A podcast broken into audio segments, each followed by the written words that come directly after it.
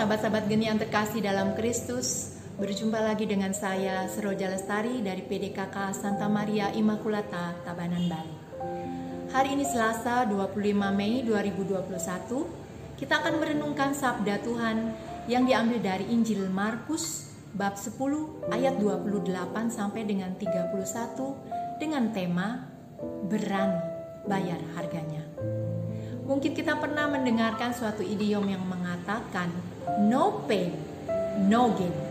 Artinya tidak ada pengorbanan, tidak ada hasil. Ketika kita ingin mendapatkan suatu hasil tertentu, kita harus berani membayar harganya untuk mendapatkan sesuatu yang kita inginkan tersebut. Mungkin beberapa dari antara kita akan bertanya-tanya, tapi janji keselamatan yang diberikan Kristus bagi kita, bukankah itu diberikan secara cuma-cuma alias gratis? Kok ada harga yang harus dibayar?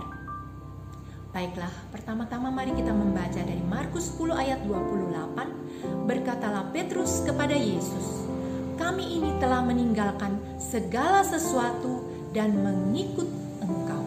Jadi apakah yang akan kami peroleh?" Petrus bertanya karena dia merasa dia sudah meninggalkan segala sesuatu buat Tuhan. Lalu upahnya apa Tuhan? Kita pun sama seperti Petrus, suka hitung-hitungan dengan Tuhan suka memakai neraca untuk menimbang, mengukur segala sesuatu yang kita lakukan buat Tuhan. Saat kita melakukan sesuatu buat kemuliaan Tuhan, kita merasa Tuhan itu berhutang loh pada saya. Kita seperti orang banyak yang berbondong-bondong mengikuti Yesus, hanya ingin mendapatkan mujizat semata. Kita berlaku bukan sebagai pengikut Kristus, tetapi sebagai orang upahan yang men menginginkan upah berkat jasmani semata. Bisa ditebak kalau ada masalah, kita akan dengan mudah mengingkari Kristus.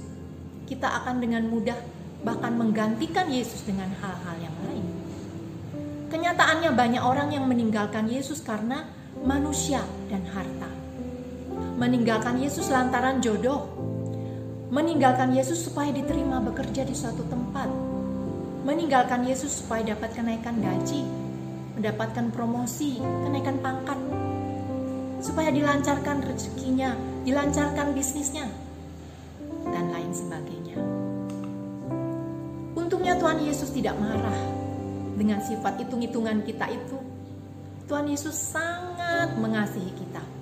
Dia sangat memperhitungkan segala sesuatu yang kita perbuat baginya. Mengikut Kristus tidak pernah sia-sia.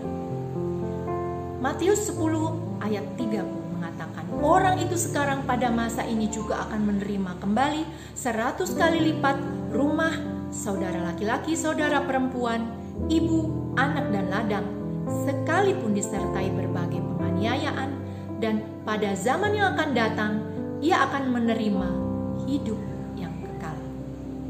Bayangkan yang kita dapatkan, upah yang kita dijanjikan buat kita bukan 10 kali lipat, bukan 20 kali lipat, tapi 100 kali lipat. Plus upah yang lebih besar, lebih mulia di masa yang akan datang. Yaitu hidup yang kekal. Namun pada akhir ayat 30 kalau kita cermati dikatakan berkat itu juga disertai dengan berbagai penganiayaan atau penderitaan. Seringkali kita ingin menjadi murid Kristus. Saya mau menjadi pengikut Kristus. Hanya saja kita tidak mau membayar harganya berupa penganiayaan atau penderitaan-penderitaan yang harus kita alami ketika kita memutuskan mengikuti Yesus.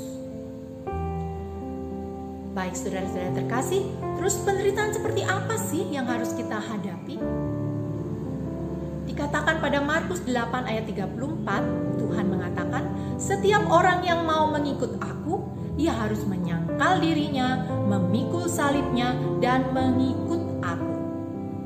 Jadi penderitaan yang harus dilalui berupa sangkal diri, pikul salib, dan ikut Yesus berani bayar harganya dengan berani menyangkal diri sendiri, membiarkan Kristus membersihkan kita dari sifat-sifat buruk kita, mau dibentuk dan dimurnikan Tuhan sehingga kita semakin serupa dengan Kristus.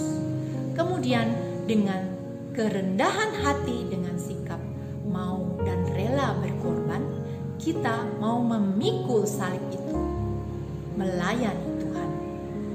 Misalnya dalam pelayanan mungkin kita ditolak, dicemooh, atau bahkan tidak dihargai kehadiran kita dan pelayanan kita. Bila kita berlaku sebagai pengikut Kristus, kita tidak akan gampang mengambek, tidak akan gampang mutung.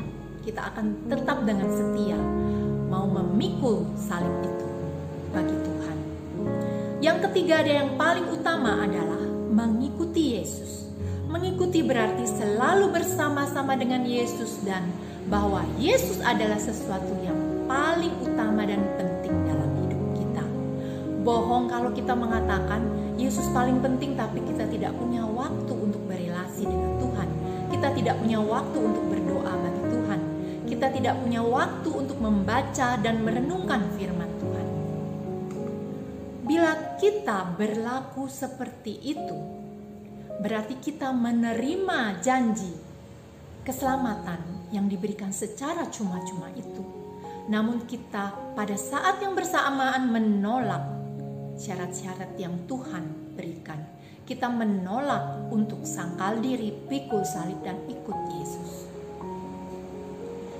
Maka upah yang dijanjikan itu tentu tidak akan kita dapat terima. Kita akan jalan di tempat, tidak ke mana-mana. Sama ibaratnya kita menerima hadiah cuma-cuma sepasang sepatu yang sangat indah. Namun kita hanya memajangnya. Kita menolak memakai sepatu itu untuk berjalan melalui jalan yang sudah di, yang sudah ditetapkan bagi kita. Maka hadiah yang kita terima itu menjadi sia-sia.